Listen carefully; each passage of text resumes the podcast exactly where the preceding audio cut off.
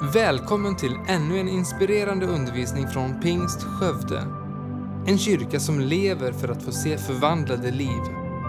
Vi hoppas att Guds ord ska tala in i ditt liv och hjälpa dig vidare i livet med Jesus. Vill du veta mer om vår kyrka eller komma i kontakt med oss så besök gärna vår hemsida. www.skövdepingst.se fick en kul inbjudan här i veckan till eh, kanal 10.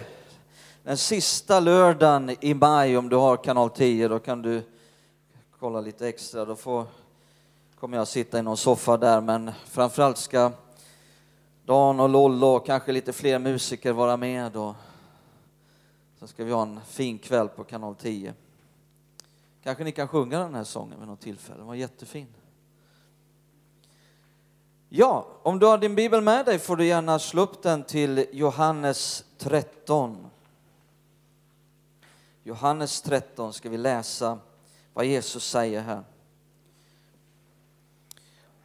Och det här är ett bibelställe som kopplar med vår bibelläsningsplan. Eh, om du är med och läser Bibeln på ett år här eller Nya Testamentet på ett år nu så i veckan kommer vi att läsa just ifrån det här kapitlet, veckan som kommer. Eh, men det är framförallt någonting som också kopplar med det temat vi har för hela påsken, korslika med hjärta.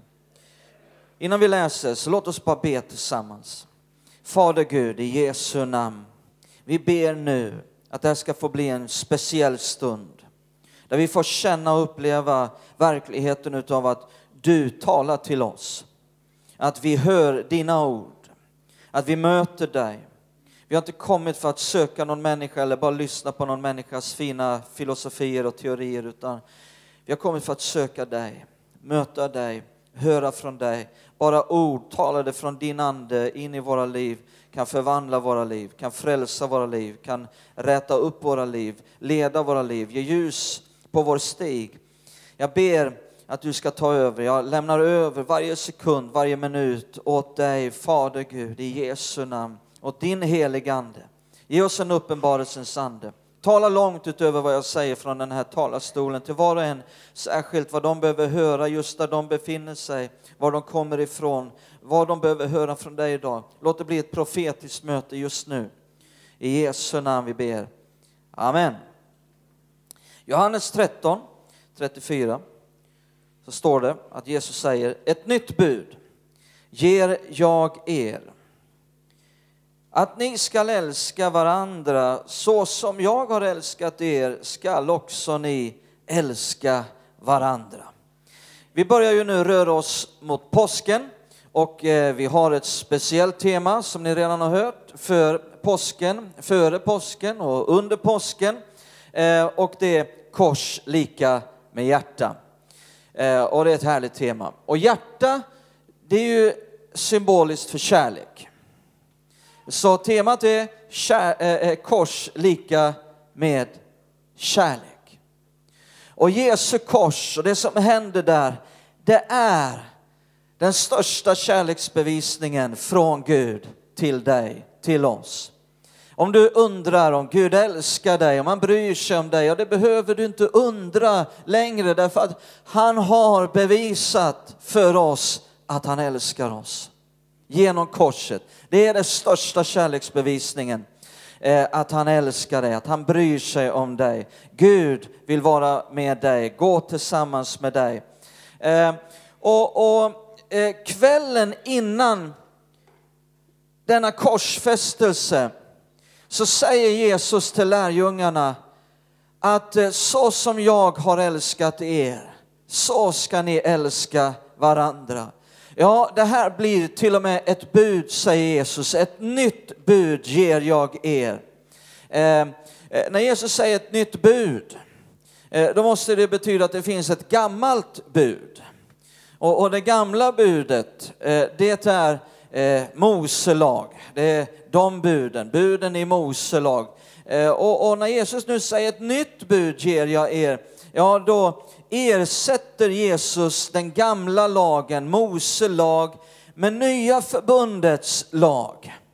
Eh, att vi ska älska varandra så som Jesus har älskat oss.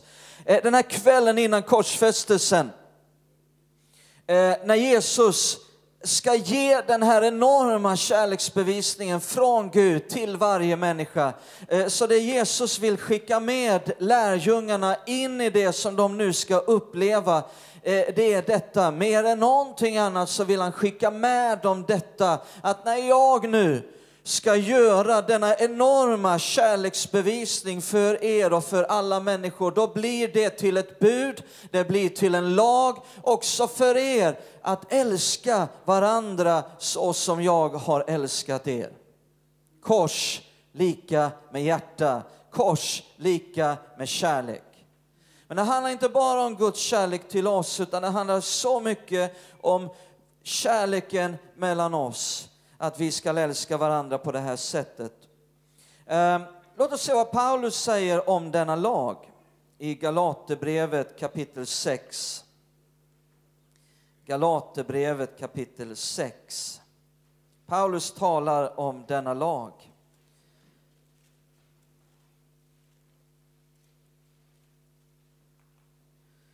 Och då säger Paulus så här. Bär varandras bördor så uppfyller ni Kristi lag. Där har vi det, Kristi lag. Det fanns en lag, det var Mose lag, men nu kom Kristi lag.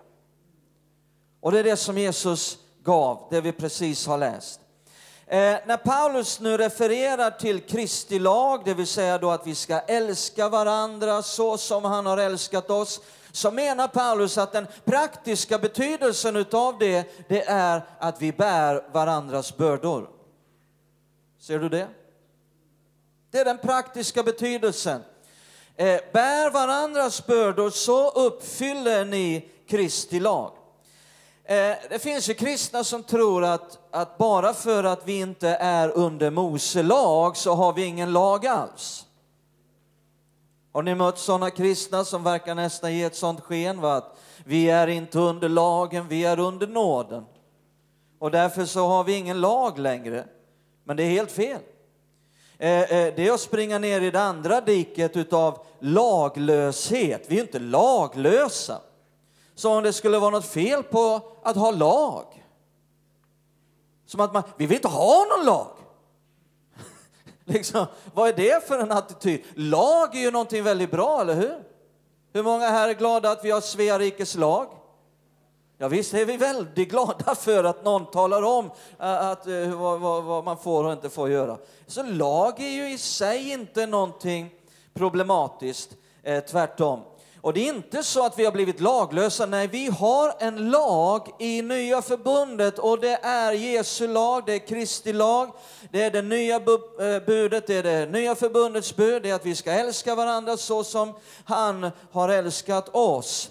Ehm, och, och, även Gud i Gamla Testamentet genom profeterna talar om den här lagen. Han säger att när det nya förbundet kommer, Eh, profeterna, Jesaja, Jeremia, Hesekiel, de profeterade om det här och sa, när det nya förbundet kommer, eh, då kommer Gud, Herren säger, då ska jag skriva min lag, var då?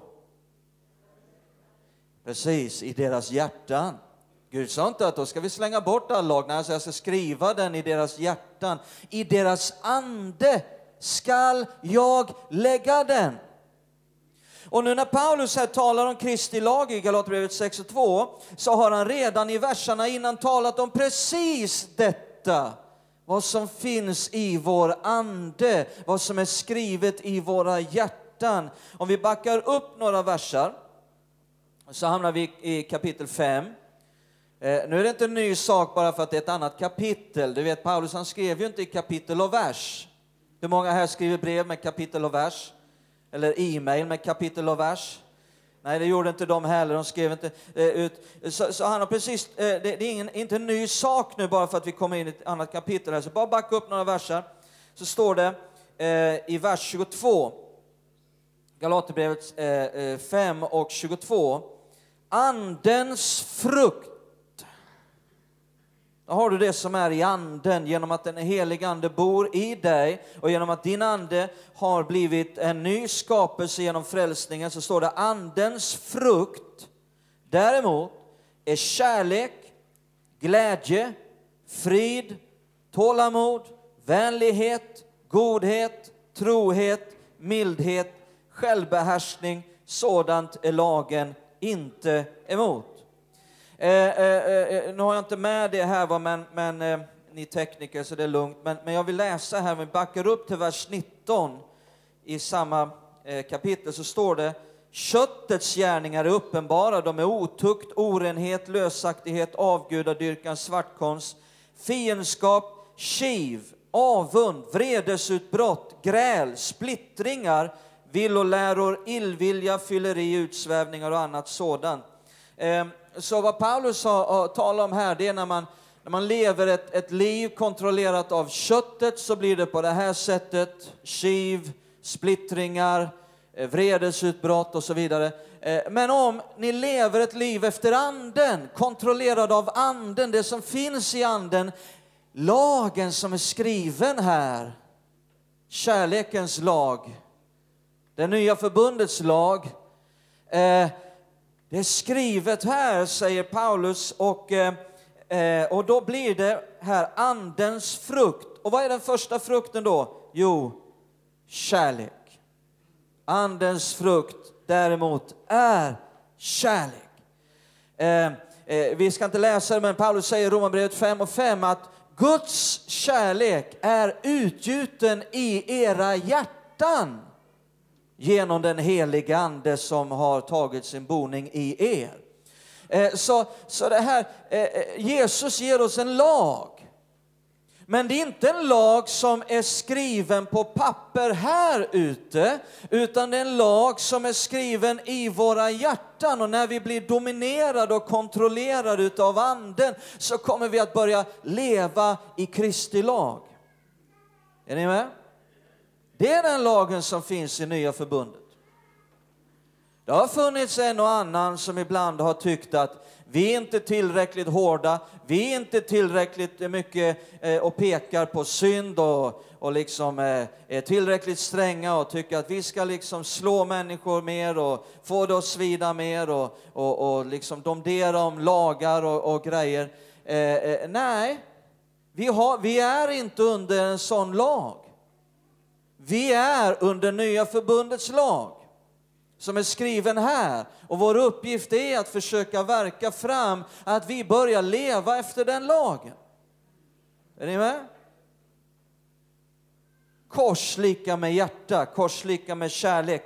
Ehm, så detta är Kristi lag, kärlekens lag, lagd i våra hjärtan genom den helige Ande. Och dess praktiska betydelse enligt eh, Paulus är bär varandras bördor. När Paulus säger nu Kristi lag, då menar han inte i första hand att Jesus enbart muntligen har gett oss en lag. Eh, utan Kristi lag, det är så mycket mer att Jesus har visat den här lagen för oss genom sitt liv. Där demonstrerade han denna lag. Visade den i allt han gjorde. Eh, hela tiden så, så tog han upp bördor på sig. Han levde sig in med människor, han led med människor, han lyfte av dem deras bördor, deras ok. Hela tiden i sitt liv så demonstrerade han och visade sin lag. Eh, eh, eh, så det är mycket mer det det handlar om när det står Kristi lag, än att det bara är någonting som har getts till oss muntligen. Och sen eh, på korset, där, mer än någonting annat, mer än någon annan gång, så där på korset, där tar han på sig vår syndabörda. Där bär han våra bördor. Bär varandras bördor så uppfyller ni Kristi lag. Och det var just på korset, där bar han allas våra bördor. Där bar han vår syndabörda, där bar han sjukdomsbördorna, där bar han alla depressionsok, där bar han fattigdomsbördorna, där bar han alla våra bördor. Är du glad för det? Halleluja. Och därför eh, så, så att uppfylla Kristi lag, det blir så mycket då att ha en vilja att bära andras bördor. Att vi bär varandras bördor. Eh, så låt oss tala lite grann om det då. Eh, vad är det att bära andras bördor? Eh, vad är det inte att bära andras bördor?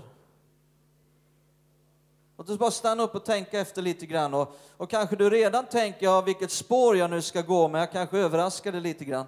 Eh, att eh, ni kan slänga upp den andra bilden där.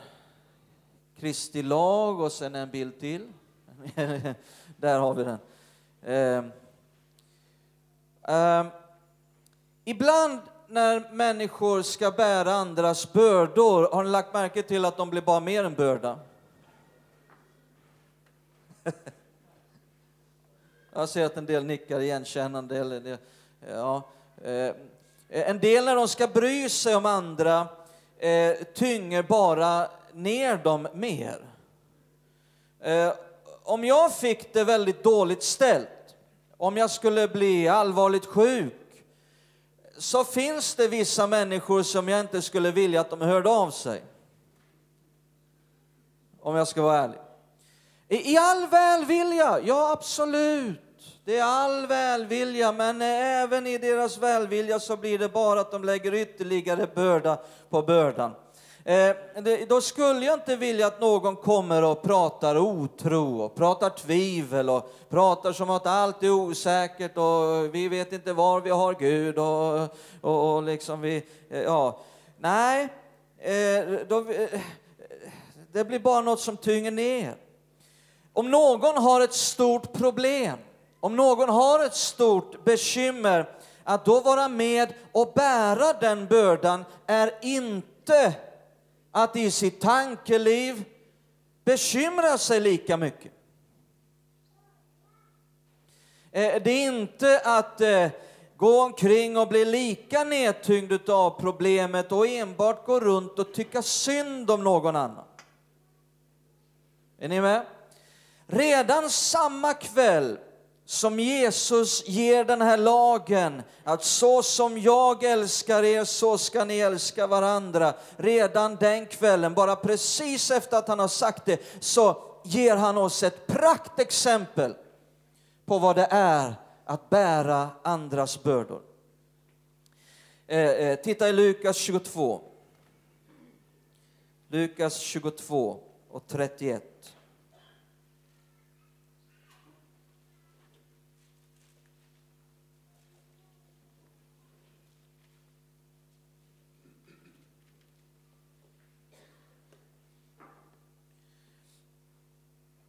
Titta vad Jesus säger här.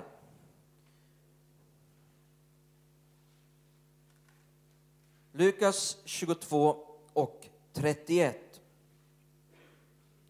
Och det är precis den här kvällen när, när han ger den här lagen så kommer också det här praktexemplet på att bära andras bördor. Lukas 22 eh, från eh, 31, vers 31. Simon, Simon, Se, Satan har begärt att få sålla er som vete. Men jag har bett för dig att din tro inte ska bli om intet. Och när du en gång har omvänt dig, så styrk dina bröder. Då sa Petrus till honom, Herre, med dig är jag beredd att gå både i fängelse och i döden. Jesus svarade, jag säger dig Petrus, Tuppen ska inte gala i natt förrän du tre gånger har förnekat att du känner mig. Titta i vers 60 och 61. Vers 60 och 61. Men Petrus sa, människa, jag förstår inte vad du menar. Där förnekar han Jesus den tredje gången. Och genast medan han ännu talade gol Tuppen då vände Herren sig om och såg på Petrus.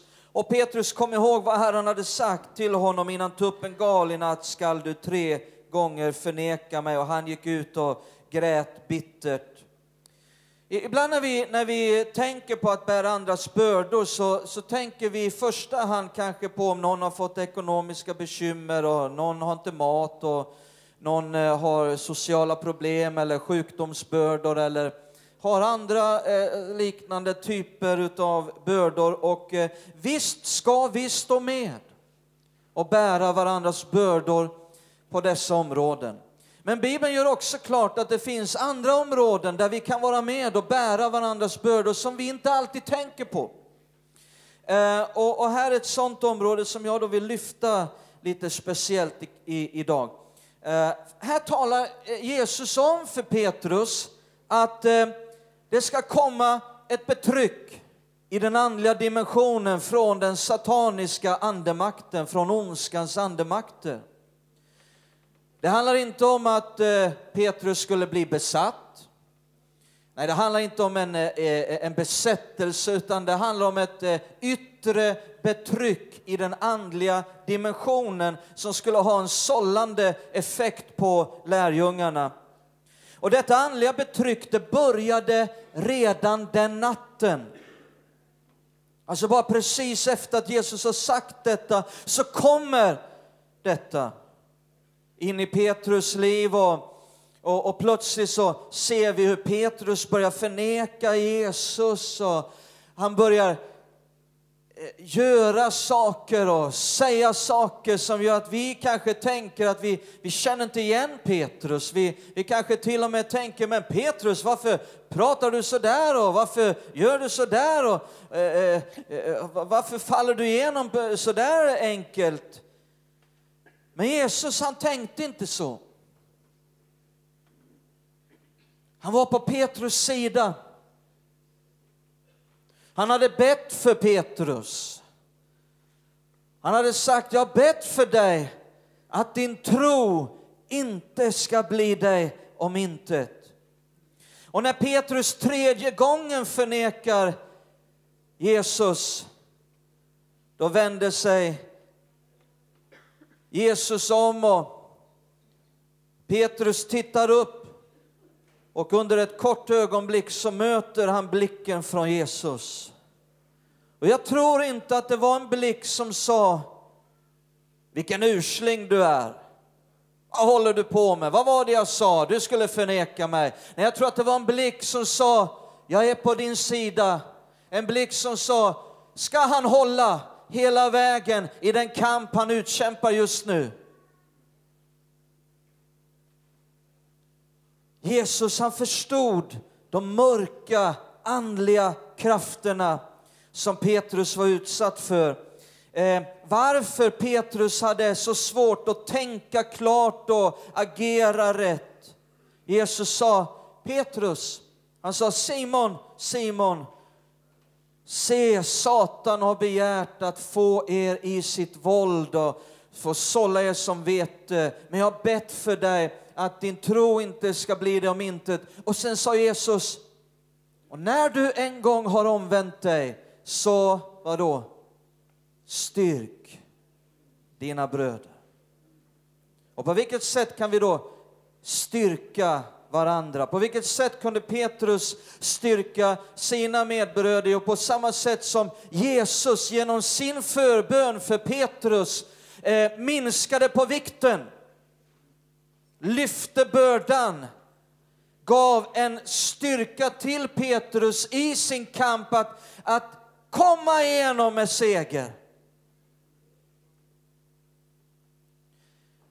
Så kan vi också vara med och bära varandras bördor, att göra precis som Jesus, be för varandra.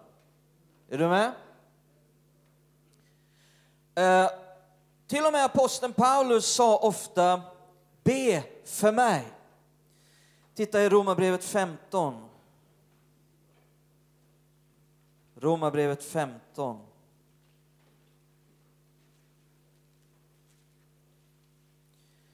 Titta här i vers 30 och 31. Romarbrevet 15, 30 till 31. Paulus säger, jag uppmanar er bröder för vår Herre Jesu Kristi skull och be för den kärlek som Nej, nej, jag uppmanar er bröder för vår Herre Jesu Kristi skull och för den kärlek som Anden väcker. Jag märker till det, för den kärlek som Anden väcker. Den kärlek som Anden väcker. Den helige Ande i ditt liv, i din ande, vill väcka en kärlek. Vill kalla på din uppmärksamhet, vill ropa långt inifrån, hallå! Kärlek. Agera i kärlek. När vi frestas att kliva ut i köttet, i kiv, i avund och andra saker. Hallå, ropar det här inne. Den helige Ande vill väcka den här kärlekslagen inom oss. Och Paulus säger, för den kärlek som Anden väcker, att kämpa tillsammans med mig genom att be till Gud för mig. Jag tror att vi behöver göra mycket utav det.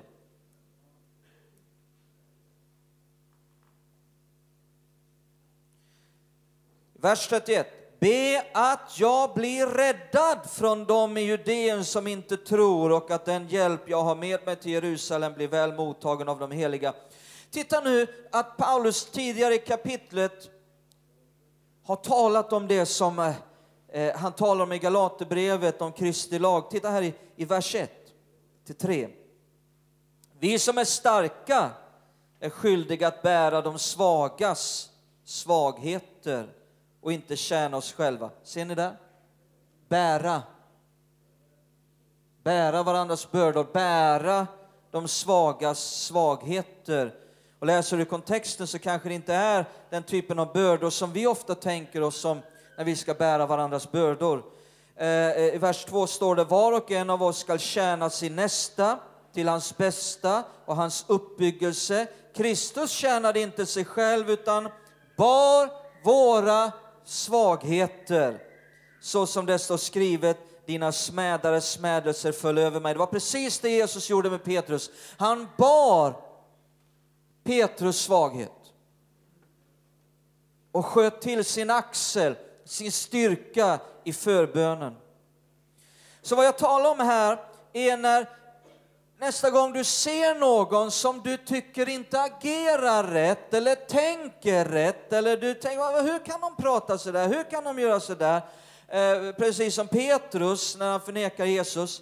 Eh, istället för att du, det första som händer att du börjar prata på det där sättet, istället faktiskt börjar älska den människan som du tycker beter sig så dumt och felaktigt.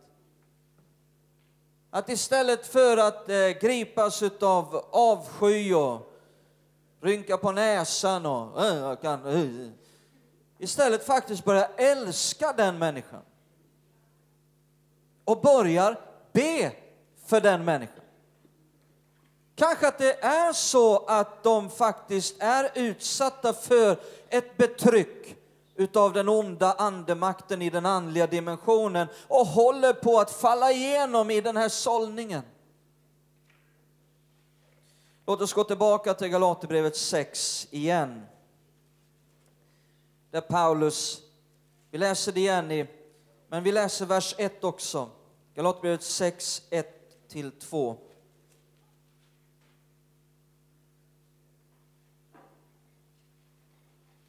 Bröder, om ni kommer på någon med att begå en överträdelse, då ska ni som är andliga människor i mildhet upprätta en sådan. Men se till att du inte också blir frestad. Bär varandras bördor, så uppfyller ni Kristi lag. Ser ni vilken kontext som detta står i? Att det är när någon håller på att falla igenom, någon kliver över gränsen, någon gör något som är fel och vi Nej, men låt oss gå då kliva in med Kristi lag. och älska den människan istället för att slå ner på den människan. I mildhet upprätta. Så min sista punkt här, som jag också vill lyfta, är inte bara att det är betydelsefull, att Kristi lag är betydelsefull i bön för andra. Utan min sista punkt blir Kristi lag betydelsefull för egna bönesvar. Titta i första Johannes brev kapitel 2. Första Johannes brev kapitel 2. Åh, vad viktigt det här är.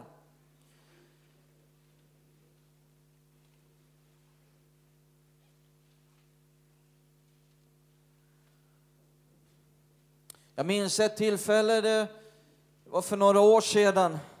Det var en, en, en kvinna som hade fått möta Herren. Hon skulle bli döpt i kyrkan på, på söndagen.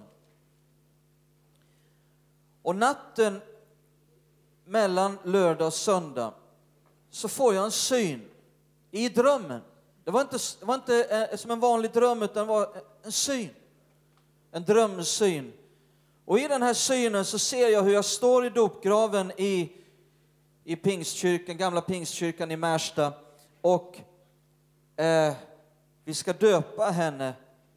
Och hela församlingen är samlad. Men dopgraven är full med svarta varelser. Och jag förstår i den här synen att detta håller på att äventyra hela dopet. Det kommer inte att bli något dop. Församlingen såg jag började bli orolig. Ska det bli något dop? Kommer det att bli något dop? Och jag kände själv, det kommer inte att bli något dop så länge dopgraven är fylld med de här svarta varelserna och det började växa en frustration och, och, och, och till sist så blev jag så frustrerad i drömmen så jag griper tag om en av de här svarta varelserna och när jag gör det då får jag ett namn på en företeelse. Och så säger jag i Jesu namn, ut härifrån, så slänger jag iväg den här svarta varelsen. Så tar jag nästa och får ett nytt namn på en företeelse. Eh, och så säger Jesu namn, ut härifrån. Slänger ut den här eh, varelsen. Och, och sen tar jag tag om en tredje svart varelse och, och säger Jesu namn, ut härifrån får ett tredje namn på en företeelse och när jag gör det då försvinner alla de andra. Och så kommer den här kvinnan ner och så blir det dop. Och samtidigt vaknar jag upp ur detta. Och så förstår jag att eh, jag behöver be för henne. Hon eh, är antagligen utsatt för de här tre sakerna som jag hade sett i den här synen. Så jag börjar nämna de här tre sakerna och så ber jag till Herren för henne och sen så, så i Jesu namn tar jag auktoritet över de här tre företeelserna och bjuder dem att försvinna ifrån hennes liv utan att jag visste någonting. Och sen tackade jag Gud, la mig ner och somnade. Nästa dag på söndagen kom jag till kyrkan tidigt. Då möter jag en kvinna som känner henne som skulle bli döpt. Och hon kommer springande till mig och säger Sven, Sven det, det var så nära att det, det inte skulle bli något dop idag. Eh, det hände konstiga grejer i natt. Ja, sa jag, jag vet. Eh, det var de här tre sakerna som var det stora problemet i natt. Så nämnde jag de här tre sakerna och sa, hur kunde du veta det? Och där, eh, liksom, det var någonting jag inte kunde veta, utan det var den helige Ande som gjorde det från början till slut. Det hade ingenting med mig att göra. Utan, men det var ett sätt att, att vara med, ge styrka, lyfta av en börda som höll på att tynga ner henne till den grad där hon inte skulle kunna få bli döpt. Och jag tror att den helige Ande vill verka på, på mäktiga sätt genom våra liv. Jag tror att det finns mycket av förbönstjänst som vi behöver kliva in i. Jag tror att, att Herren kallar oss alla på olika sätt att vara med och be för varandra på ett helt nytt sätt. Är ni med? då tror jag att det kan komma förvandlingar i våra liv. Jag tror att saker kan börja ske där vi kommer igenom till seger på olika områden. Halleluja! Och vi blir en livsfarlig armé för mörkrets välde. Vi ska bära varandras bördor. Eh, så det är betydelsefullt i bön för andra, men låt oss nu titta här, betydelsefullt för egna bönesvar. I första Johannesbrev 2 så står det, vi läser lite om den här lagen först ifrån vers 3 till vers 10. Bara lyssna här hur Johannes talar om den här lagen och vad det innebär.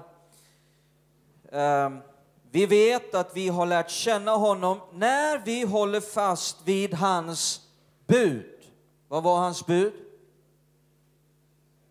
Precis, vi ska älska varandra så som han har älskat oss. Den som säger jag känner honom och inte håller fast vid hans bud, han är en lögnare och sanningen finns inte i honom.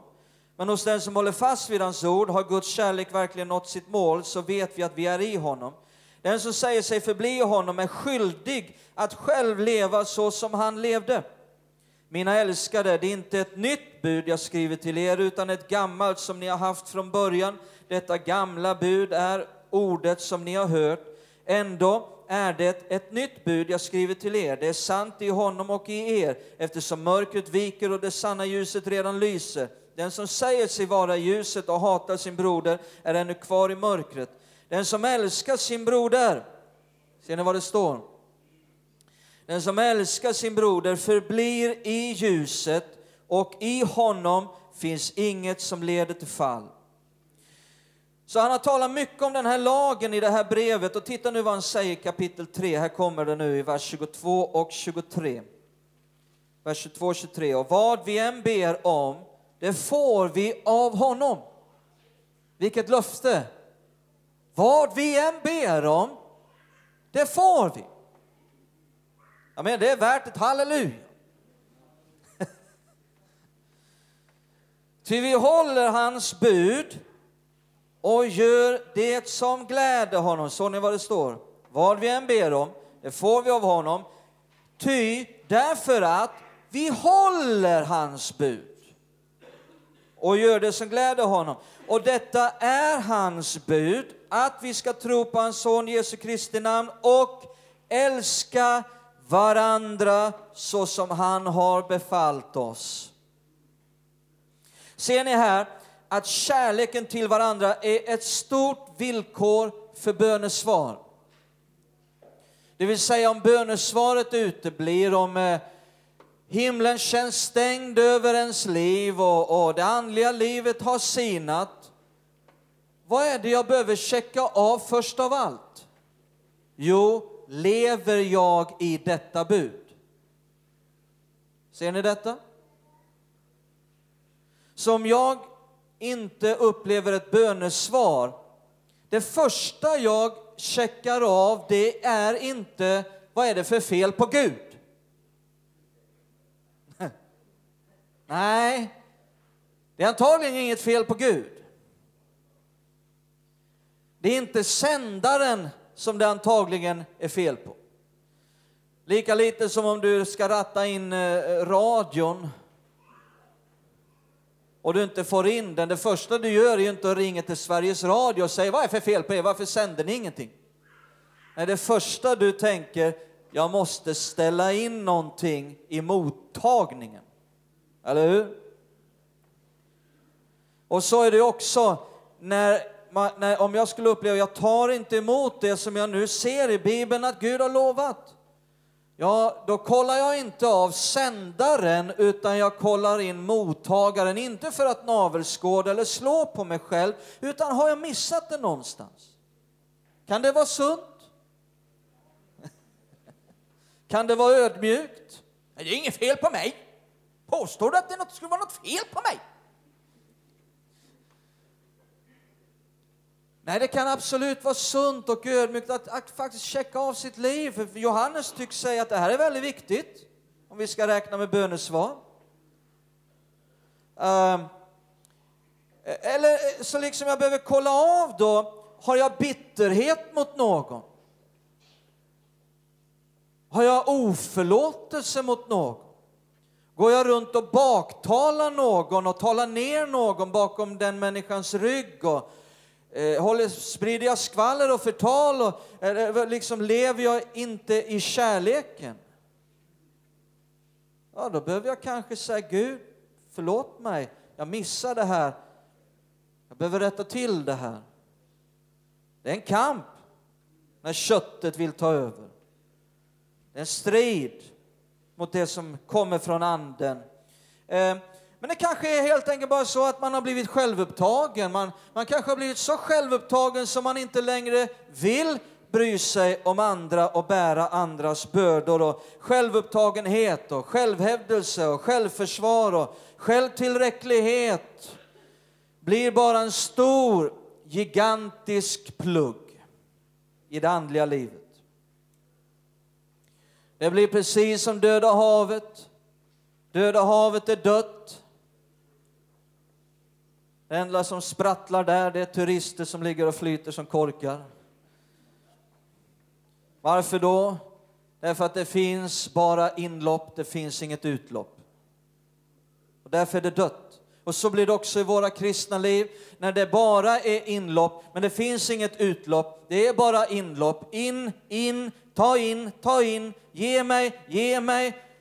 Eh, men ingen känsla av att tänka på någon annan än sig själv. Det blir dött. Man vill bara få. Man tänker bara på sig själv, mina bekymmer, mina problem, mina intressen. Och man tror att, att om jag bara bevakar det här och, och, och liksom hävdar detta och liksom försvarar detta så, så ska jag nog, det är nog vägen till ett bra liv. Men Bibeln säger, nej, det är tvärtom. Ju mer du kan dö till dig själv och bära andras bördor, ju mer skapar du ett bättre liv för dig själv. Och nu ska vi avsluta i Jobb 42. Jobb. Ja men Sven, det här det var ju så bra nu hela, varför ska det bli så jobbigt på slutet? Jobb 42, nej det är underbart. Jobs bok, jag älskar Jobs bok, det är en av mina favoritböcker i Bibeln. Bara man läser på rätt sätt. En del kommer snett på en gång i början där. På grund av att många översättningar är grovt felöversatta i den första och andra kapitlet så kommer man snett på en gång. Men jag ska inte ta det idag, bara reta din aptit lite grann. Jobb 42, 10.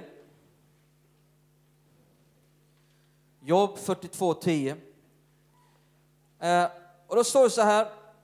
Och Herren gjorde slut på Jobs olycka när denne bad för sina vänner. Herren gav Jobb dubbelt upp mot vad han förut hade haft. Halleluja. Det blev slut på Jobs olycka. Herren upprättade honom igen. Eh, Jobb hade ju verkligen varit självupptagen, om du läser Jobs bok. Full av självhävdelse, självrättfärdighet, självförsvar. Kapitel ut och kapitel in. Men Gud hjälpte honom genom självets mörka tunnel. Och, och liksom, eh, så var försiktig med att citera Jobb. Det finns kristna, som citerar Jobs bok hejvilt. Citera vad Jobb sa. Herren gav och Herren tog, välsignat vara hans namn. Men de har ju missat att i slutet av Jobs bok så är Gud vred på allt som Jobb sa. Hallå? Och då står det att Jobb tog tillbaka allt han hade sagt. Så var försiktig med att citera Jobb hur som helst, för han tog tillbaka allt han hade sagt. Dessutom var Gud vred på Jobs vänner. Bildad, han var ju inte så bildad. So far, han var so far from the truth. Och sen var det en till, vad hette han? Bildad, so far. Elifas, just det. El i fas, han var ur fas. Han var inte i fas. Gud var vred på allt vad de hade sagt. Och de är tre exempel på hur kristna kan resonera omkring saker idag. Så det är en väldigt bra instruktionsbok, Jobs bok. Fantastiskt bra bok att läsa och studera. Bara man läser och studerar den på rätt sätt. Gud hjälpte honom ut ur denna olycka, ut ur denna självets mörka tunnel. Men Gud var vred på Jobs vänner. Men då fick Job kärlek till dem. Och så bad han för sina vänner. Och då står det att Herren gjorde slut på Jobs olycka när denne bad för sina vänner. Jag tror inte att det är av en händelse att det står så att det var just då, när han fick kärlek till sina vänner, att de fattar ju inte bättre, men jag ber för dem. Jag älskar dem. Hur de än har talat om för mig att det är ditt eget fel och du har synd i ditt liv och de hade ju slagit på jobb så något hejdlöst där och hetsade upp sig. Ju mer jobb försvarade sig, ju mer hetsade de upp sig och så det, det är minsann fel på dig jobb. Och de talade saker som var helt uppåt väggarna, men ändå fick Jobb kärlek till dem på slutet. Och så bad han för dem, att Guds vrede skulle vändas bort ifrån dem. Och när han bad för dem, då upprättade Gud Jobb själv. Det är en sån nyckel till bönesvar i våra egna liv, att vi bär andras bördor. När de inte riktigt fixar livet, på olika områden. Att vi får kärlek till varandra. Och inte står där med anklagande ord och dömer varandra. Och så vidare. Ska vi stå upp tillsammans. Tack för att du lyssnat. Titta gärna in på vår hemsida www.skövdepingst.se för att få veta mer om oss. Och glöm inte att du alltid är välkommen till vår kyrka